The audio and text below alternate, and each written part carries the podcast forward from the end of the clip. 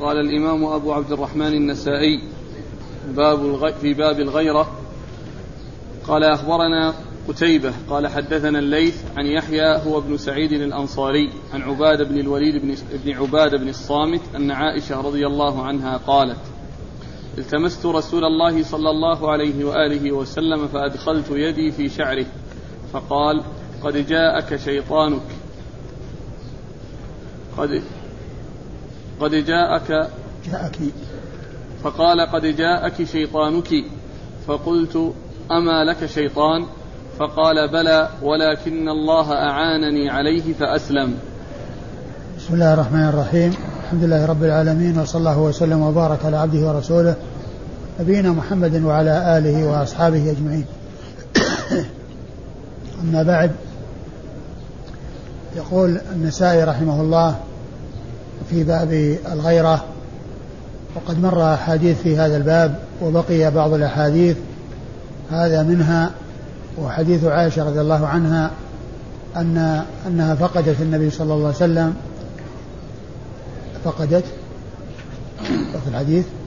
التمست رسول الله صلى الله عليه وآله وسلم فأدخلت يدي في شعره. التمست النبي صلى الله عليه وسلم يعني أنها فقدته والتمسته فوجدته فأدخلت يدها في شعره لتعرف يعني هل فيه رطوبة. فالنبي صلى الله عليه وسلم قال أجاءك شيطانك؟ يعني فأوقع في نفسها أنه ذهب إلى بعض نسائه فجامعهن واغتسل. فعدلت يعني عن ذلك الكلام إلى كلام آخر ووجهت السؤال إلى النبي صلى الله عليه وسلم وقالت ألك شيطان يا رسول الله؟ فأجابها بأنه له ولكن الله أعانه عليه فأسلم. والمقصود من الترجمة أو المقصود من الحديث الترجمة هو الغيرة وذلك أن عائشة رضي الله عنها لما فقدت النبي صلى الله عليه وسلم ووجدته وضعت أدخلت يدها في شعره. يعني خشيت أو ظنت أنه ذهب إلى بعض نسائه وهذا من الغيرة التي تكون بين النساء حيث ينقدح في ذهنها الشيء وإن لم يكن حاصلا وإن لم يكن واقعا وإنما ذلك بسبب الغيرة. وكون واحد كل واحدة منهما تحب الخير لنفسها وتريد النبي صلى الله عليه وسلم لنفسها والنبي صلى الله عليه وسلم كان يقسم بين نسائه ويعدل عليه الصلاة والسلام وقولها قولها جاءك شيطانك المقصود من ذلك القرين الذي يكون مع الإنسان. وقد جاء في الحديث في صحيح مسلم ما من أحد ما منكم من أحد إلا وله قرين من الملائكة وقرين من الجن قرين من الجن وقرين من الملائكة. قالوا وأنت يا رسول الله؟ قال وأنا إلا أن الله أعانني عليه فأسلم فصار لا يأمرني إلا بخير. فأسلم فصار لا يأمرني إلا بخير. وقولها جاءك شيطانك أي أي القرين الذي آه، آه، يأمر بالشر أو الذي يوقع آه، الشر في القلب وفي النفس. و وهي قد فهمت من رسول الله صلى الله عليه وسلم ما قال وأن هذا من عمل الشيطان وأن هذا من مما يوحيه الشيطان ومما يقذفه الشيطان في قلب الإنسان. ووجهت السؤال إلى النبي صلى الله عليه وسلم وقالت ألك شيطان؟ فأجابها بأنه كغيره ولكن الله أعانه عليه. فأسلم. وكلمة أسلم تحتمل أن تكون أسلم من الإسلام وهو الاستسلام والانقياد وهو الإذعان. أو أنها أو أنه مضارع من يعني آه، آه، من سلم يسلم فأنا أسلم منه. يعني بدل أسلم أسلموا فالرواية تحتمل أن تكون أسلم فتحتمل أن تكون أسلموا وأسلموا نتيجة أسلم لأنها نتيجة الإسلام السلامة. لأن الأول من الإسلام والثاني من السلامة. الأول من الإسلام والثاني من السلام. الإسلام الاستسلام والانقياد والإذعان.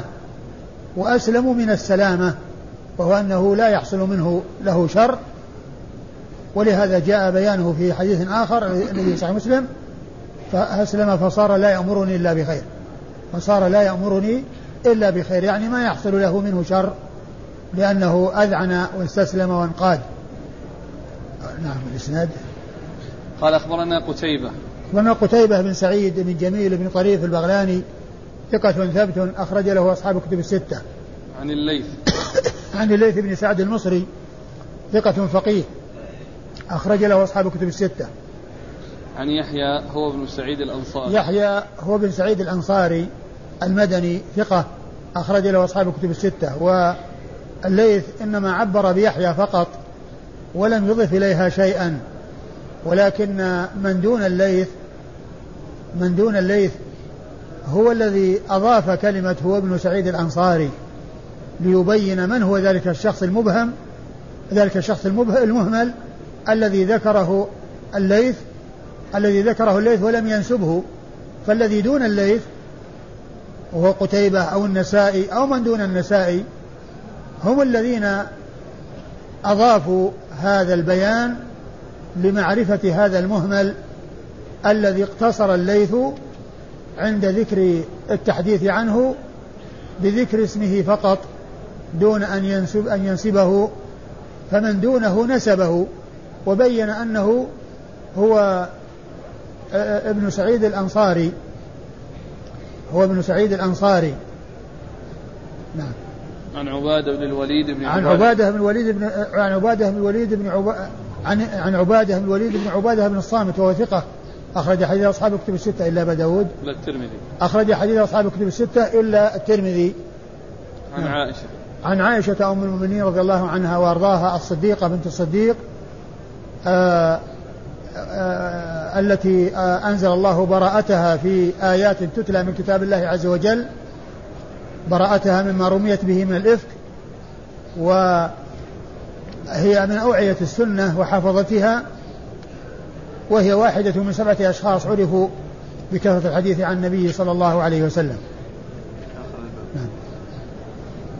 قال أخبرني إبراهيم بن الحسن المقسمي عن حجاج عن ابن جريج عن عطاء قال أخبرني ابن أبي مليكة عن عائشة رضي الله عنها أنها قالت فقدت رسول الله صلى الله عليه وآله وسلم ذات ليلة فظننت أنه ذهب إلى بعض نسائه فتجسسته فإذا هو راكع أو ساجد يقول سبحانك وبحمدك لا إله إلا أنت. فقلت بأبي وأمي إنك لفي شأن وإني لفي شأن آخر. ثم ورد النسائي حديث عائشة رضي الله عنها وأنها فقدت النبي صلى الله عليه وسلم فبحثت عنه وظنت أنه ذهب إلى بعض نسائه فبحثت عنه وجدته راكعا أو ساجدا ويقول سبحانك الله سبحانك سبحانك وبحمدك لا إله إلا أنت. يعني وجدته يصلي. ووقع وتبين لها أن ما ظنته أنه على غير صواب وأنه في شأن آخر غير الشأن الذي انقدح في ذهنها. ولهذا لما وجدته يصلي قالت له بأبي أنت وأمي يعني أنت مفدي بأبي وأمي. هذا ليس قسم وليس حلف يعني بأبيها وأمها وإنما هذا تفدية. أي أنت مفدي بأبي وأمي فداؤك أبي وأمي. فكلمة بأبي وأمي أنت مفدي بأبي وأمي وليس من باب القسم لأنه لا يقسم إلا بالله عز وجل لا يقسم بالآباء والأمهات كما جاءت بذلك الأحاديث عن رسول الله عليه الصلاة والسلام. لا تحلفوا بآبائكم ولا بأمهاتكم ولا تحلفوا بالأنداد ولا تحلفوا إلا بالله ولا تحلفوا إلا وأنتم صادقون. وإنما المقصود بأبي وأمي أي أنت مفدي بأبي وأمي فداؤك أبي وأمي. هذا هو المقصود من هذه الجملة. ثم قالت إنك لفي شأن وأنا في شأن. أنت في صلاة وأنا أفكر بأنك ذهبت إلى بعض نسائك. أنت في شأن في عبادة الله عز وجل وأنا وقع في ذهني أنك ذهبت إلى بعض بعض نسائك. ولهذا قالت أنت مفدي بأبي وأمي إنك لفي شأن وأنا في شأن. أنت في صلاة وأنا ظننت شيئا آخر. أنا في وادي وأنت في واد آخر. نعم. قال أخبرني إبراهيم بن الحسن المقمسي أخبرنا إبراهيم بن الحسن المقسمي وهو ثقة أخرج حديثه أبو داود والنسائي. عن حجاج. عن حجاج بن محمد المصيصي وهو ثقة أخرج له أصحاب كتب الستة. عن ابن جريج عن ابن جريج عبد الملك بن عبد العزيز بن جريج المكي ثقة فقيه يرسل ويدلس وحديثه أخرجه أصحاب الكتب الستة. عن عطاء. عن عطاء بن أبي رباح المكي ثقة أخرج له أصحاب الكتب الستة.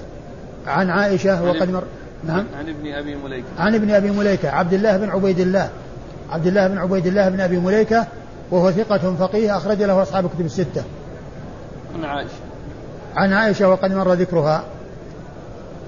يسأل الأخ يقول هل كان النبي صلى الله عليه وسلم يجهر في دعائه بالسجود؟ آه، آه، آه، الدعاء يعني قد يسمع من الساجد وإن لم يكن جهرا الجهر الذي يكون كالقراءة لأنه يظهر منه يعني وإن كان يخفيه لكنه ليس كالقراءة لأن القراءة فيها رفع صوت وأما السجود فكان يسمع منه يسمع منه يعني في سجوده يعني بعض الأدعية مما يفيد ومما يدل على أنه آه، يخفيه لكنه يسمع منه لكن ليس كالقراءة وأن صوته بالسجود بالدعاء في السجود والركوع كصوته بالقراءة. آه، الإنسان الذي آه، يدعو سرا يسمع منه أحيانا. يعني وهو يقال السر ما يقال له جهر لأن الجهر هو رفع الصوت مثل القراءة التي يرفع بها الصوت ها؟ وش هي؟ أي قصة؟ لا ندري هل هي قصة واحدة أو أن أنها مسألتين أو أنها مسألة واحدة يعني آه لكن الذي الذي آه الذي يبدو أنها قصة ثانية لأنها لما وجدته يصلي طبعا ما هو آه ولهذا بينت أنها حصل منها خلاف. فاللفظ يشعر يشعر بأنها ليست هذه القصة كالقصة السابقة. لأنه كان يصلي ما راحت تبحث في رأسه وتلمس رأسه وهو يصلي. وإنما وجدته في صلاة وما وجدته ذاهبا إلى بعض النساء. وجدته في صلاة وما ذهب وجدته ذاهبا إلى بعض صلاته. فالذي يفهم والله أعلم أن هذه غير هذه. نعم. آه، المقسمي بكسر الميم ولا بفتحها؟ ما أدري لكن كان في بالي أنها بكسر الميم. يعني ما تقريبا ما ذكر ضبطها؟ ضبطها بالشكل. لا إلا في الحركات. بالحروف أي بالحروف لا. ما أي ما أدري ما أتذكر. لكن أنا أنطقها المقسمي ما أدري. لكن ينظر ينظر فيها. يمكن في اللباب في تهذيب الأنساب أو الأنساب للسمعاني أو اللباب لابن الأثير الذي هو خلاصة الأنساب لأن هذا هو الذي يبين ضبط الأنساب. يعني يذكر النسب ثم يذكر ضبطه بالحروف يذكر ضبطه بالحروف المقسمي وغيره. أي أي نسبة أي نسب؟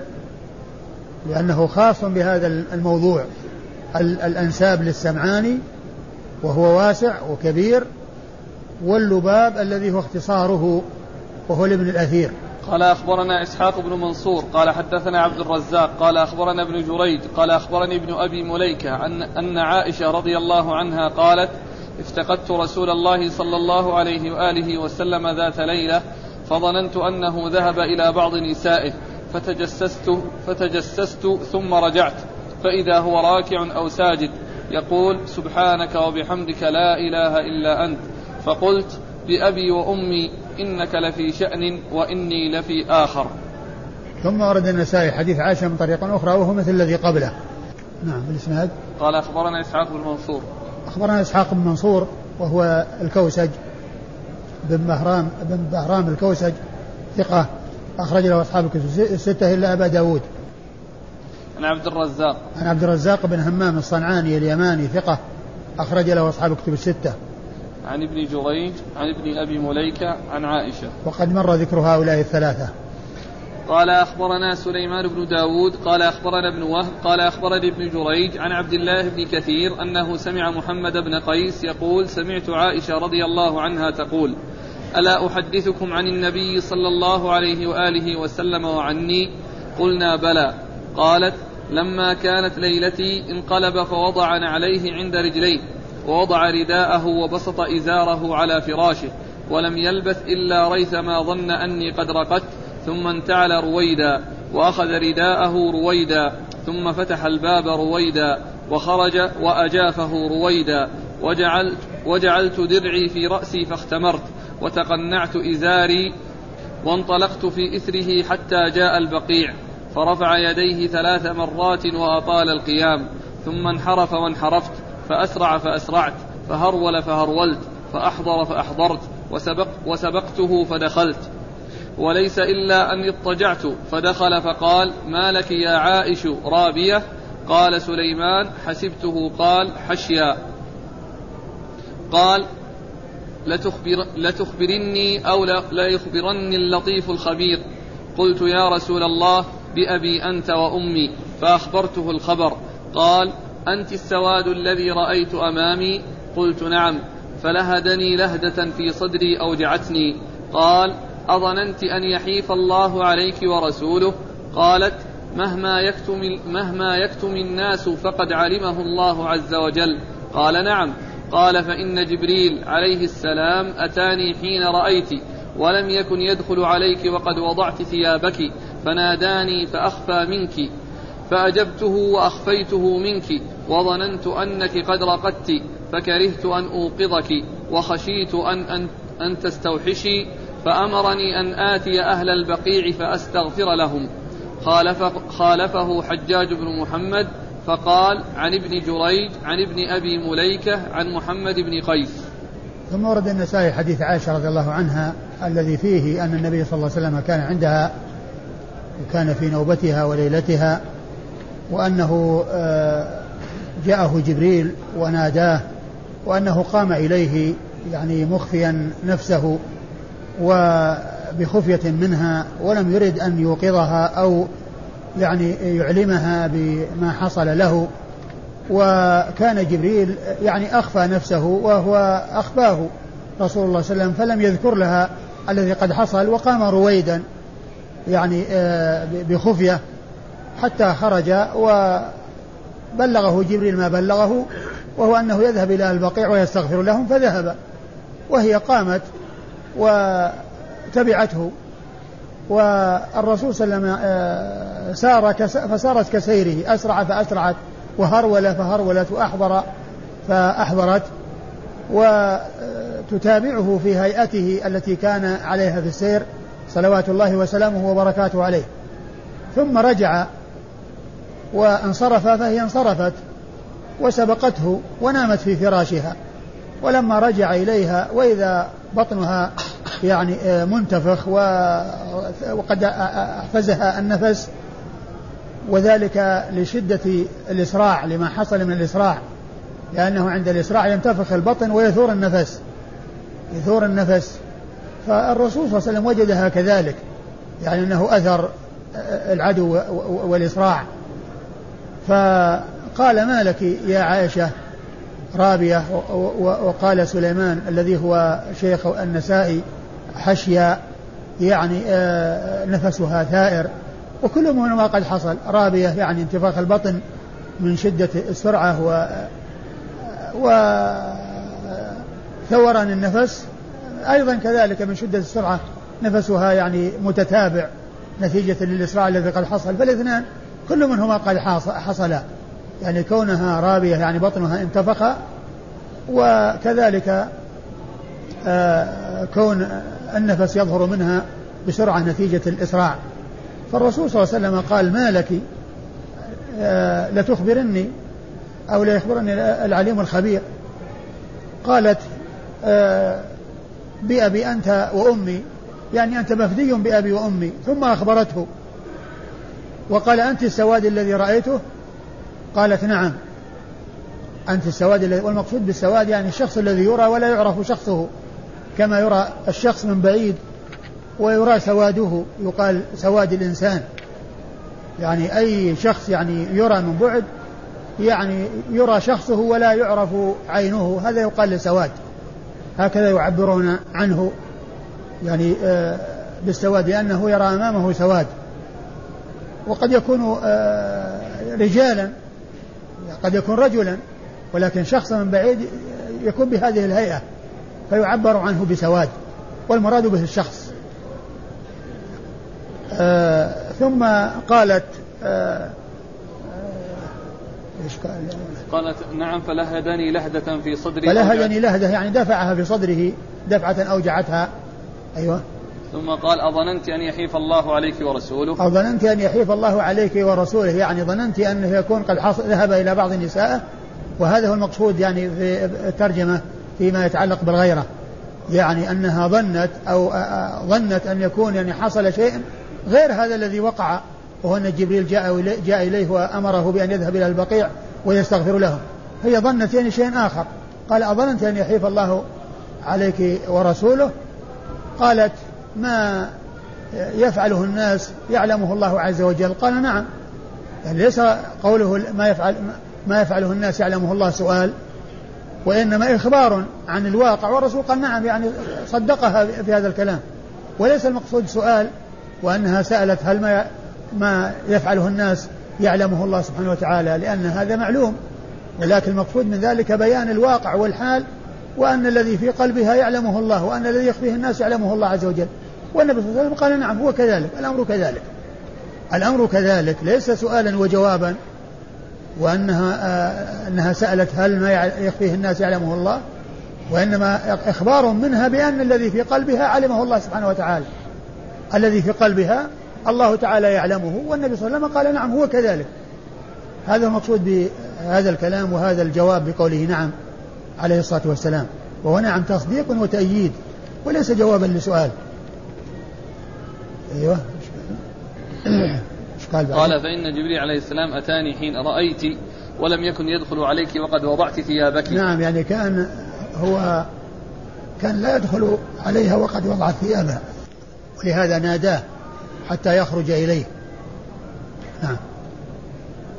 فناداني فأخفى منك وأجبته وأخفيته منك وظننت أنك قد رقدت فكرهت أن أوقظك وخشيت أن تستوحشي.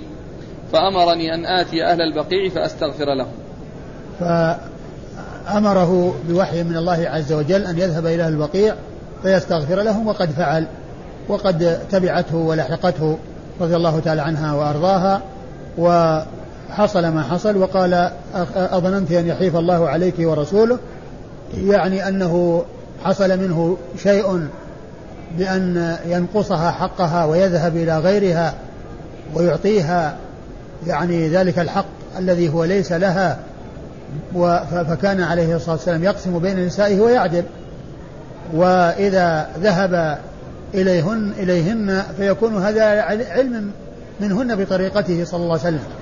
أما أن يكون يذهب بخفية وبشيء غير معلوم لهن فهذا لا يحصل منه صلوات الله وسلامه وبركاته عليه. نعم قال أخبرنا سليمان بن داود سليمان بن داود هو المصري وهو ثقة أخرج حديثه أبو داود والنسائي. عن ابن وهب. عن ابن وهب عبد الله بن وهب المصري ثقة فقيه أخرج له أصحاب الكتب الستة. عن ابن جريج عن عبد الله بن كثير. عن عبد عن ابن جريج مر ذكره عن عبد الله بن كثير آه المكي وهو صدوق أخرج حديث أصحاب الكتب الستة. عبد الله بن كثير. عبد الله بن كثير. السهمي. أي نعم. مقبول. مقبول؟ أخرج له مسلم والنسائي. شوف التقريب يعني التقريب موجود.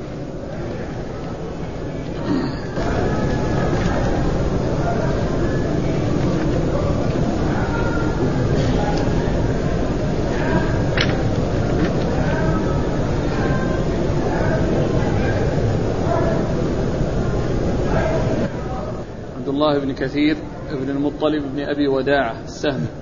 أيوه. هو هذا؟ أيوه غيره فيه عبد الله بن في في أيوه من هو؟ في عبد الله بن كثير الداري المكي أبو أيوه. معبد القاري. الداري؟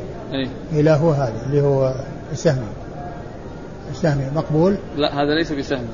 لا إلا هذا الأول. السهمي؟ الأول. السهمي مقبول. المطلب إيه أخرج له مسلم والنسائي. أين؟ هو هذا. مقبول أخرج حديثه مسلم والنسائي. مقبول أخرج حديثه مسلم والنسائي. عن محمد بن قيس. عن محمد بن قيس وهو آه، ثقة. يقال له رؤية يقال له يقال له رؤية وثقه أبو داود وغيره وحديثه أخرجه مسلم وأبو داود في المراسيل والترمذي والنسائي. أخرجه البخاري في الأدب المفرد ومسلم وأبو داود والنسائي. البخاري في الأدب المفرد؟ نعم. و؟ وأبو داود ومسلم وأبو داود والنسائي. فيها البخاري في الأدب المفرد؟ محمد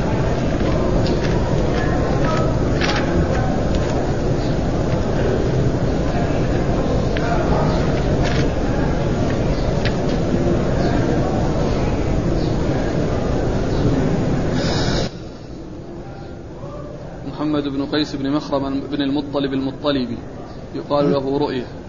ها؟ أيوه. لا يختلف.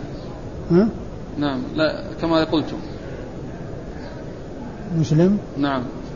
يعني ما في البخاري ولا المفرد لا لا. مسلم وأبو داود المراسيل والترمذي والنسائي.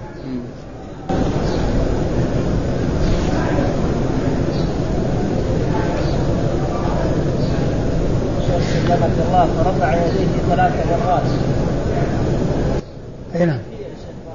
رفع يديه؟ هذا خاص به صلى الله عليه وسلم. لا لا الذي يبدو أنه خاص به لأنه أمر أن يذهب في ذلك الوقت وأن يستغفر. نعم أقول أمر بأن يذهب في ذلك الوقت وأن يستغفر. أمر بأن يذهب في ذلك الوقت ويستغفر. يعني فما يدل على أنه عندما يزور نعم. لأن الزيارة ما ما نعلم أنه كان يرفع يديه. ولكن هذا شيء أوحي إليه وهو, وهو في فراشه بأن يخرج وأن يدعو لأهل البقيع وفعل ذلك. فلا يقال أنه يشرع للناس أنهم إذا ذهبوا يرفعون أيديهم. نعم. عن عائشة. عن عائشة وقد مر ذكرها. في الحديث في أوله قالت لما كانت ليلتي انقلب فوضع نعليه عند رجليه. ووضع رداءه وبسط إزاره على فراشه. يعني معناه أنه متهيئ للنوم أو مستعد للنوم. نعم. وبعد ذلك لا أخبركم بخبر عن عن عن عن النبي صلى الله عليه وسلم وعني يعني وعن خبري. مقصود بها عن عن خبرها وقصتها. يعني هذا مقصود حديثها عن عن النبي صلى الله عليه وسلم وعنها. يعني ما حصل لها وله وما جرى منها. يعني أخبركم عن النبي صلى الله عليه وسلم وعني أو أحدثكم عن النبي صلى الله عليه وسلم وعني يعني حديثي الذي حصل فيه شأني وقصتي. أي نعم. أحسن الله قولها ووضع رداءه يعني نزعه. نعم. ووضع رداءه. أي نعم. النزع. وضع رداء يعني نعم الاستعداد للنوم. طيب. وبسط إزاره على فراشه. وبسط إزاره على فراشه. أي نعم وش فيه؟ كذلك النزع. ما ما ادري هل هو نزع يعني وضع. الأولى عبرت وضع والثاني يمكن بسط يمكن يمكن لا هو الوضع يمكن أنه وضعه يعني رفع مو لازم الوضع على الفراش الوضع يعني آه بدل ما يكون على كتفيه يعني آه يتخلص منه. طيب. بأن يضعه يعني سواء على مشجب أو في ناحية أو في أو على فراشه يعني ما فيه يعني شيء يدل على يعني وضع الثياب يعني كما هو معلوم الإنسان يتخلى من ثوبه أو ينزع ثوبه هذا وضع الثوب. الإشكال في الإزار. تضعون ثيابكم من الظهيرة يعني آه يعني تتخلصون منها وترفعونها وتضعونها في أماكنها على الأرض أو على المشجب أو في أي مكان. أيوة. بالنسبة للإزار. مشبه. قولها بسط إزاره على فراشه. بسط إزاره على فراشه. يعني أنه آه وضعه عليه فرشه يعني كأن البسط هو الفرش. يعني بعدين في تجرد هل يفهم منه إنه تجرد؟ إنه وضع الرداء وبسط الإزار. ما يدل يعني قد يكون يعني عمل يعني التحف بشيء قد يكون التحف بشيء آخر. قال أخبرني يوسف, يوسف بن سعيد بن مسلم المصيصي قال حدثنا حجاج عن ابن جريج قال أخبرنا عبد الله بن أبي مليكة أنه سمع محمد بن قيس بن مخرمة يقول سمعت عائشة رضي الله عنها تحدث قالت ألا أحدثكم عني وعن النبي صلى الله عليه وآله وسلم؟ قلنا بلى. قالت لما كانت ليلتي التي هو عندي تعني النبي صلى الله عليه وآله وسلم انقلب فوضع نعليه عند رجليه ووضع رداءه وبسط طرف إزاره على فراشه. ووضع وبسط طرف, طرف إزاره. طرف إزاره. يعني هذا يعني هذا يبين أيضا يعني أو يقيد الرواية السابقة يعني طرفه. أيوه.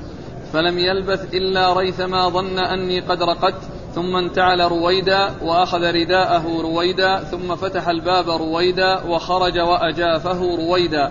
وجعلت درعي في رأسي واختمرت. وتقنعت إزاري فانطلقت في إثره حتى جاء البقيع. فرفع يديه ثلاث مرات وأطال القيام ثم انحرف فانحرفت فأسرع فأسرعت فهرول فهرولت فأحضر فأحضرت وسبقته فدخلت. فليس إلا أن اضطجعت فدخل فقال ما لك يا عائشة؟ حشيا رابية. قالت لا. قال لتخبرني أو ليخبرني اللطيف الخبير. قلت يا رسول الله بأبي أنت وأمي فأخبرته الخبر. قال فأنت السواد الذي رأيته أمامي؟ قالت نعم. قالت فلهدني في صدري لهدة أوجعتني. ثم قال أظننت أن يحيف الله عليك ورسوله؟ قالت مهما يكتم الناس فقد علمه الله. قال نعم. قال فإن جبريل عليه السلام أتاني حين رأيت ولم يكن يدخل عليك وقد وضعت ثيابك. فناداني فأخفى منك فأجبته فأخفيت منك فظننت أن, أن قد رقدت وخشيت أن تستوحشي فأمرني أن آتي أهل البقيع فأستغفر لهم. رواه عاصم عن عبد الله بن عامر عن عائشة رضي الله عنها على غير هذا اللفظ. ثم ورد النسائي حديث عائشة رضي الله عنها من طريق أخرى وهو مثل الطريقة السابقة. يعني في القصة والذي حصل و وهي مماثلة للطريقة السابقة بالإسناد قال أخبرني يوسف بن سعيد بن مسلم المصيصي. يوسف بن سعيد بن مسلم المصيصي ثقة؟ نعم. أخرج له. النسائي وحده أخرج له حديثه النسائي وحده. عن حجاج. عن حجاج بن محمد المصيصي وقد مر ذكره. عن ابن جريج عن عبد الله بن أبي مليكة عن محمد بن قيس بن مخرمة عن عائشة. وقد مر ذكرهم جميعا. قال أخبرنا علي بن حجر قال أخبرنا شريك عن عاصم عن عبد الله بن عامر بن ربيعة عن عائشة رضي الله عنها أنها قالت فقدته من الليل وساق الحديث. ثم ورد النسائي حديث عائشة من طريق أخرى وذكر يعني آه، بعضه وأحال على على باقيه حيث قالت فقدت رسول الله صلى الله عليه وسلم. والرواية السابقة أو الروايات السابقة فيها أنها كان عندها وأنه كان نائما على الهيئة التي وصفتها وأنه حصل منه أن أخذ عليه رويدا رويدا ورداءه وخرج وأجاف الباب ولحقته. وهنا يقول فقدته. وبقية الحديث يعني كما يعني ذكر في أنها آه، ذهبت وطلبته ولحقته وأسرع وأسرعت إلى آخره حتى حتى رجع وقال لها ما قال بالإسناد. قال أخبرنا علي بن حجر. عن علي بن حجر بن إياس السعدي المروزي ثقة أخرج حديث البخاري ومسلم والترمذي والنسائي. عن شريك. عن شريك بن عبد الله النخعي القاضي وهو صدوق كثير الخطأ وقد أخرج حديثه البخاري تعليقا ومسلم وأصحاب السنة الأربعة. عن عاصم. عن عاصم بن عبيد الله العمري وهو ضعيف أخرج حديثه. البخاري في خلق أفعال العباد وأصحاب السنن. البخاري في خلق أفعال العباد و... وأصحاب السنن. نعم. البخاري في خلق أفعال العباد وأصحاب السنن الأربعة. شوف التقريب.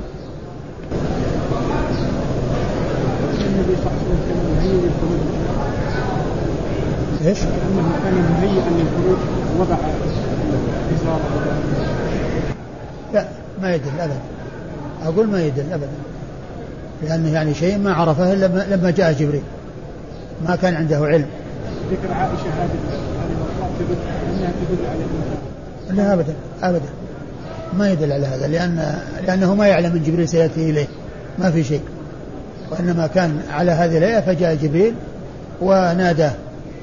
في نسخة أبي الأشبال البخاري في خلق أفعال العباد وأبو داود والترمذي والنسائي في عمل يوم الليلة وابن ماجه. وهذه موجودة حدث ثانية؟ إيه؟ لا.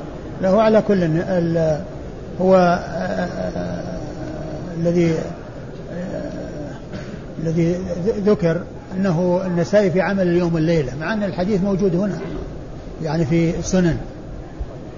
موجود في السنن لكن آه، المزي في تحفة الأشراف ما ذكر يعني أن هذا الحديث عند النسائي. وإنما ذكره عند أبي داود وابن ماجه. وكذلك في ال ال في التهذيب تهذيب الكمال.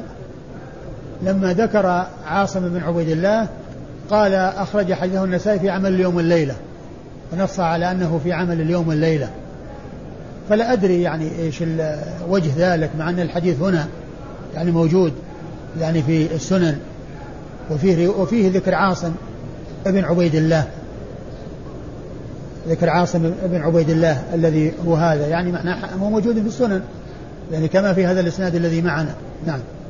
عن عن عبد الله بن عامر بن ربيعة. عن عبد الله بن عامر عن عبد الله بن عامر بن ربيعة. عبد الله بن عامر بن ربيعة وهو آه ولد على عهد ولد على عهد النبي صلى الله عليه وسلم ووثقه العجلي وحديثه أخرجه أصحاب الكتب الستة. عن عائشة. عن عائشة أم المؤمنين رضي الله عنها وقد مر ذكرها. والله تعالى أعلم وصلى الله وسلم وبارك على عبده ورسوله نبينا محمد وعلى آله وأصحابه أجمعين.